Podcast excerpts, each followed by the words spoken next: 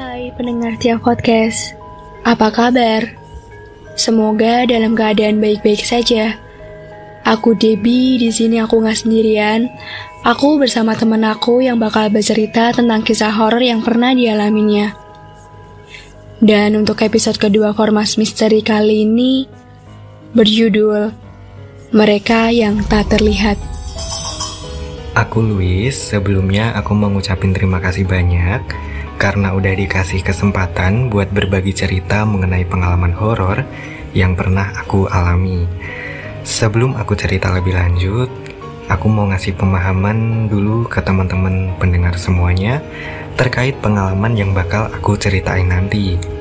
Jadi gini, Debbie dan teman-teman, aku itu bukan orang pinter, bukan orang yang dalam tanda kutip ahli spiritual, atau apalah sebutannya, mungkin lebih dikenalnya orang indigo kali ya. Jadi aku bukan orang yang memiliki keistimewaan seperti itu yang selalu bisa melihat, bahkan berkomunikasi dan berinteraksi dengan hal-hal yang tidak terlihat.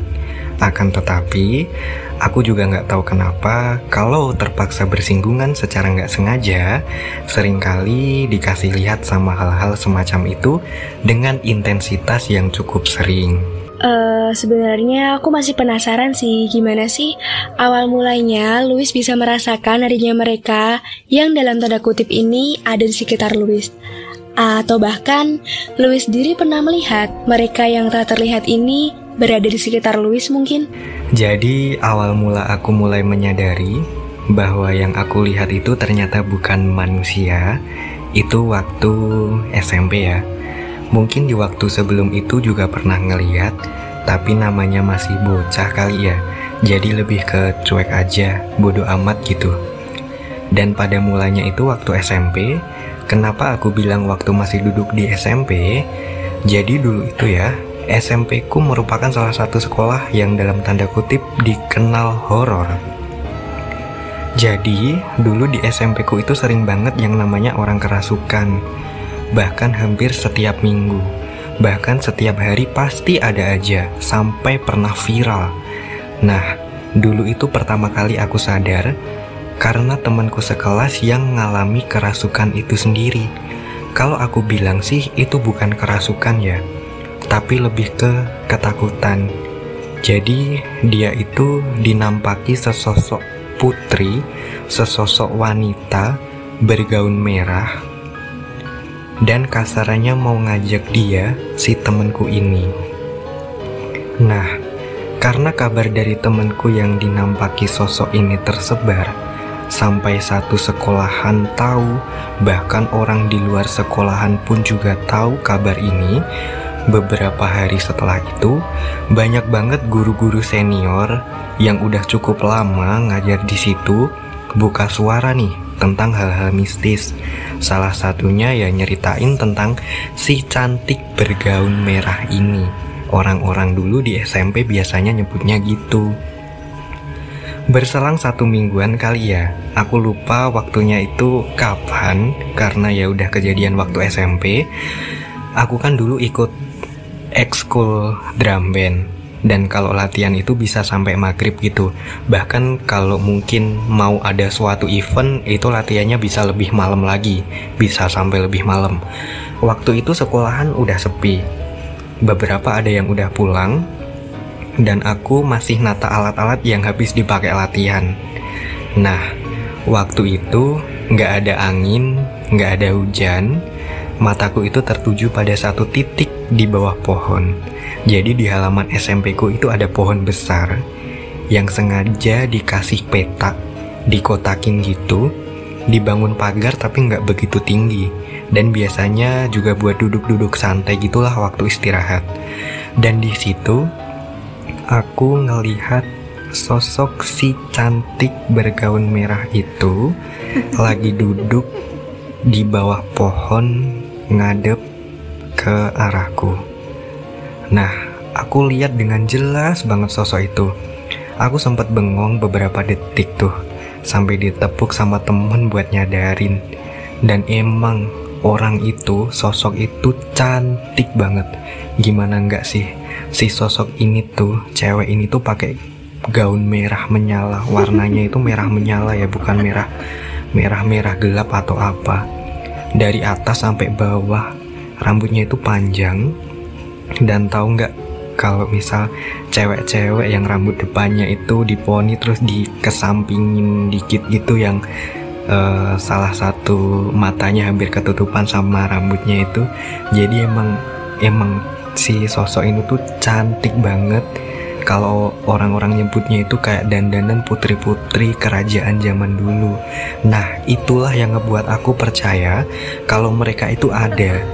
Mungkin kalau nggak ada kejadian temenku itu, nggak diceritain guru-guru, aku juga masih cuek aja.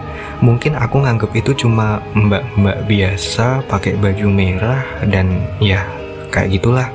Nah, mulai dari situlah aku jadi kayak terbiasa melihat mereka-mereka dengan intensitas yang cukup sering.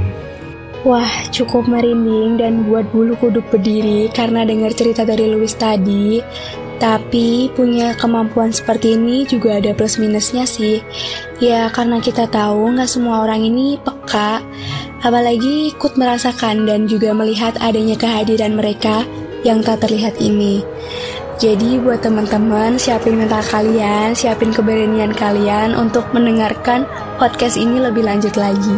Nah iya benar sekali karena Orang yang memiliki kemampuan pun juga terkadang dia masih banyak godaannya antara dia kuat atau enggak buat nerima keistimewaan atau bakat yang dia miliki tersebut. Sebenarnya masih banyak cerita yang bisa aku bagi.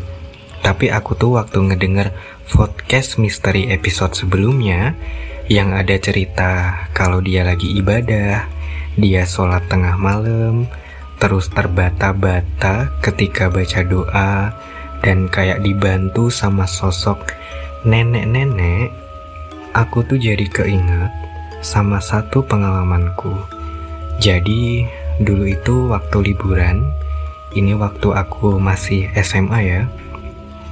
Aku tuh lagi nginep di rumah saudara sendiri, dalam artian orang tuaku nggak ikut dan aku emang bener-bener sendiri di rumah saudaraku itu.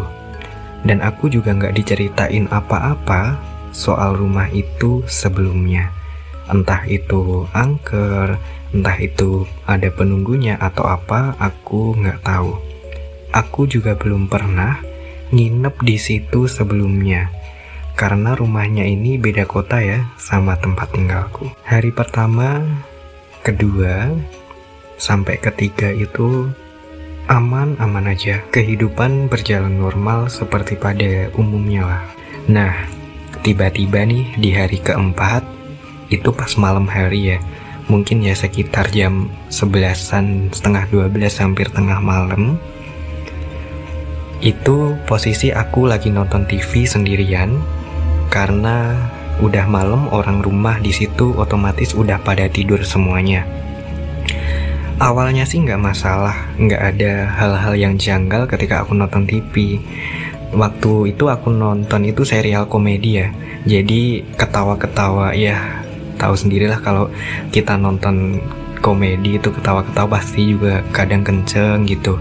Nah waktu itu di tengah-tengah aku nonton sambil ketawa-ketawa ketawaku itu jadi double disautin gitu loh kasarannya. Paham nggak Dep? Jadi acara TV-nya itu ngelawak akunya ketawa karena lawakan itu. Nah, setelah sepersekian detik dari aku ketawa, ada ketawa lagi di belakang dan itu jelas banget kedengeran. Dan aku percaya serta yakin itu bukan suara ketawa dari TV. Itu suara ketawa dari rumah itu, dari belakang dan itu suara cewek. Wah waktu itu aku langsung gak karuan ya rasanya Aku kaget, aku takut juga karena ya siapa sih yang gak yang gak kaget waktu nonton TV, nonton lawak, ketawa-ketawa tiba-tiba ada disautin ketawa juga dari makhluk yang kita sendiri nggak tahu itu apa. Langsung aku matiin TV, langsung ke kamar, langsung tidur akunya. Oke, okay, di sini aku udah mulai paham dan aku juga udah bisa ngebayangin gimana kejadiannya waktu itu. Nah, mungkin untuk Luis boleh dong lebih cerita tentang kayak hawa horornya lebih ditambah lagi biar kita lebih dapat nih feelnya. Nah, jadi setelah kejadian itu ini masih berangkai ya. Paginya aku bangun. Aku ngerasa udah aman kan ya. Udah pagi waktunya udah terang, udah cerah banget, udah ayem, udah adem ayem gitu loh. Dan pagi itu aku tuh juga di rumah sendiri karena ada yang kerja sama ada yang pergi ke pasar buat belanja. Karena sendiri di rumah, aku tuh langsung kunci pintu aja, terus main HP di kamar. Jadi aku jelasin dulu, di kamar rumah yang aku tinggali itu ada jendela, di mana jendelanya itu ngarah ke tempat buat jemur baju gitu loh. Nah, waktu itu kok ya otakku itu lagi ngeblank atau apa aku juga nggak tahu susah banget mendeskripsikannya kan di rumah itu aku sendiri tapi dari jendela itu aku bisa ngeliat ada siluet orang lagi jemurin baju yang habis dicuci walaupun itu jendelanya bening pakai kaca yang tembus pandang gitu tapi ya gimana ya tetap ada kayak bayangan kelihatan gitulah pokoknya. Aku cuek tuh karena nggak sadar juga kali ya. Sama aku lupa kalau aku lagi di rumah sendiri. Nah aku kan diem. Tiba-tiba ada suara cewek tanya ke aku. Udah sarapan belum dek? Sarapan gih. Dan nggak tahu kenapa dengan refleks aku nyaut. Belum mbak, nanti aja. Suara yang tanya itu persis banget sama suara saudaraku ini. Nah, habis itu kan baru aku kayak sadar gitu lah. Loh, aku kan di rumah sendiri. Lah itu tadi suara siapa? Nah, kebetulan waktu aku sadar itu tiba-tiba suara tiba-tiba keadaan di dalam kamar itu jadi kayak berubah banget suasananya itu jadi hening banget. Yang tadinya ada tetangga-tetangga di depan rumah ada suara ngobrol, ada suara orang naik motor berlalu lalang di sini tuh jadi kayak diem hening suasananya juga agak panas gitulah pokoknya. Habis itu aku langsung nutup jendela itu pakai horden langsung merem akunya pakai selimut gitu. Nah pas itu aku kan kaget campur takut gitu lah ya. Nah aku langsung berdoa sesuai dengan kepercayaanku. Dan satu hal yang nggak pernah aku lupain dan nggak pernah aku duga-duga sebelumnya mereka itu yang tidak terlihat malah kayak ngikutin gitu apa yang aku ucapin, apa yang aku doakan pada saat itu. Misal nih ya, aku bilang, misal, ya Tuhan, tolong aku. Di telinga itu kayak ada yang bisikin juga. Ya Tuhan, tolong aku sambil bercanda. Kayak ngejek-ngejek nggak jelas gitu lah pokoknya intinya. Jadi uh, semua itu berjalan lama banget. Padahal itu cuma berkisar beberapa detik atau bahkan cepet banget tapi aku ngerasanya itu lama. Sampai eh, tiba-tiba bel rumah itu bunyi ternyata saudaraku itu pulang. Dan di posisi aku tidur di kamar sampai ada bel rumah yang bunyi itu kayak waktunya lama banget. Habis itu aku kan bukain pintu dengan wajah yang masih kayak orang ketakutan, masih pucet banget gitu ya. Aku langsung disambut saudaraku, aku bukain pintu, dia bilang, ada apa? Kenapa? Udah kenalan. Nah, di situlah aku nggak bisa ngomong apa-apa, aku cuma bisa diem. Selang itu semakin ke sini aku mulai terbiasa ya, terbiasa melihat hal-hal semacam itu. Tapi Jujur aku bersyukur banget karena beberapa tahun belakangan ini aku udah jarang banget ngeliat hal-hal yang semacam itu dan udahlah memang aku juga nggak mau lagi melihat hal-hal semacam itu karena nggak semuanya yang aku lihat itu dalam keadaan utuh. Ya, Debbie sama teman-teman pendengar pasti juga tahulah apa yang aku maksud. Dan sebagai konklusinya di akhir ini aku cuma mau ngingetin aku mau bilang ke Debbie dan teman-teman kita boleh kok. Kita boleh percaya ataupun enggak terhadap hal-hal itu.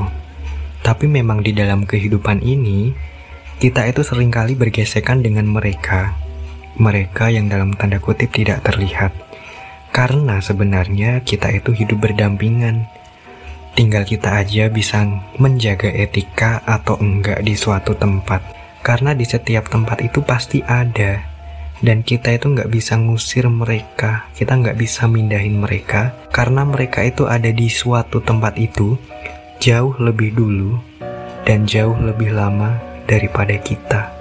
Makanya orang tua kan sering berpesan ya, kalau misal anaknya atau misal kita mau pergi ke suatu tempat, yang belum pernah sama sekali kita kunjungi sebelumnya. Pasti orang tua selalu bilang buat ngejaga etika dan sopan santun. Nah, iya bener banget. Ini tuh juga bukan sekadar untuk menghargai dan juga menghormati orang-orang yang ada di situ, tapi juga untuk menghindari suatu kejadian yang tidak diinginkan. Kayak tadi misalkan Louis waktu cerita dia lagi nonton TV, bisa jadi Louis waktu itu kurang menjaga sopan santunnya karena tengah malam masih ketawa-ketawa kenceng. Nah, makanya Louis dapat teguran dengan adanya kejadian seperti itu. Mereka ini memang gak terlihat, tapi mereka ini peka. Dan mereka juga bisa membaca hati dan juga pikiran manusia. Kalau misalkan pikiran kita kosong, pikiran kita negatif, kita ketakutan, ya bisa jadi kita digoda, ataupun semacamnya itu. Jadi intinya, di mana pun kita berada, Tetap jaga etika dan jangan bertindak ataupun ngomong sembarangan. Jangan lupa untuk selalu ngejalanin ibadah. Apa pun kepercayaan kita, kita harus menjalankannya sebaik mungkin. Uh, mungkin sekian dulu untuk Formas Misteri hari ini. Sampai jumpa di next episode Formas Misteri selanjutnya.